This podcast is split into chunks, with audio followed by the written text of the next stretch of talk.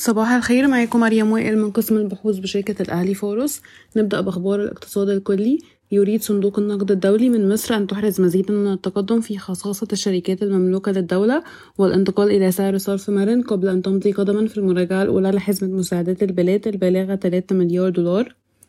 محافظ البنك المركزي صرح بأن تخفيف مشكلات العرض وزيادة المنافسة سيؤدي أيضا إلى خفض التضخم بشكل أسرع وأكثر صحة. وإن أسعار الفايدة ليست الحل الأمثل دائما.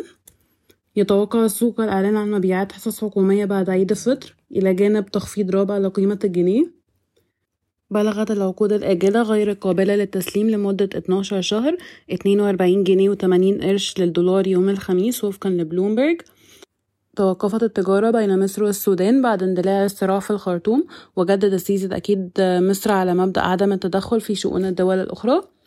أفرجت مصر عن بضائع بقيمة 15 مليار دولار من الموانئ خلال الربع الأول من عام 2023 على الرغم من النقص المستمر في العملة الأجنبية. أصدر السيسي قرارا جمهوريا بتشكيل المجلس الأعلى للاستثمار في إطار جهود الدولة لتعزيز الاستثمار وتحفيز النمو الاقتصادي. تناقش إدارات الهيئة العامة للرقابة المالية والبورصة المصرية حاليا تعديل إجرائي بخصوص جلسة مزاد سعر الإغلاق بالبورصة المصرية. ننتقل لأخبار الشركات والقطاعات. أفادت وسائل إعلام محلية أن مجلس الوزراء يعتزم اختيار أحد العروض لشراء حصة في المصرف المتحد المملوك للدولة بعد العيد مباشرة. وأفادت بعض وكالات الأنباء أن قيمة الصفقة ستكون في حدود 660 مليون دولار وده تقريبا 21 مليار جنيه بسعر صرف 30 جنيه و89 قرش للدولار. حقق المصرف المتحد صافي ربح قدره مليار و300 مليون جنيه في عام 2022 وبالتالي فإن الصفقة تشير إلى مضاعف ربحية لعام 2022 بقيمة 16.2 مرة وهو أقل من مضاعفات الربحية المصرفية الأخيرة لبنك ABC الذي استحوذ على بنك بلوم مصر. وترجمت الصفقة مضاعف ربحية لعام 2021 بمعدل 19.7 مرة ومضاعف قيمة دفترية 2.1 مرة. وبدت أعلى من مضاعفات بنك بلوم بقيمة دفترية واحد فاصلة تلاتة مرة.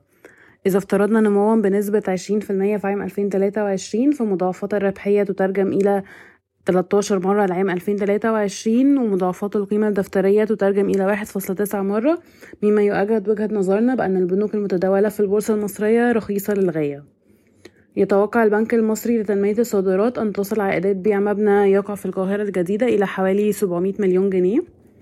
أظهرت المؤشرات المالية المجمعة لشركة القاهرة للاستثمار والتنمية سيرة للنصف الأول من عام 22-23 انخفاض صافي الربح على أساس سنوي بنسبة 22.3% ليسجل 220 مليون جنيه مقارنة ب 283 مليون جنيه في النصف الأول من عام 21-22 يتم تداول السهم حاليا عند مضاعف ربحية 13.7 مرة للعام المالي 2022-23 و EV to EBITDA 6.3 مرة.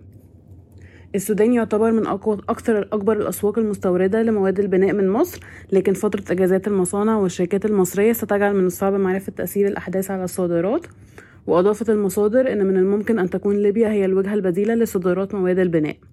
احتل السودان المركز التاسع في أكبر الدول المستوردة لمواد البناء في مصر في عام 2022 بنحو 138 مليون دولار بنسبة نمو 18% على أساس سنوي.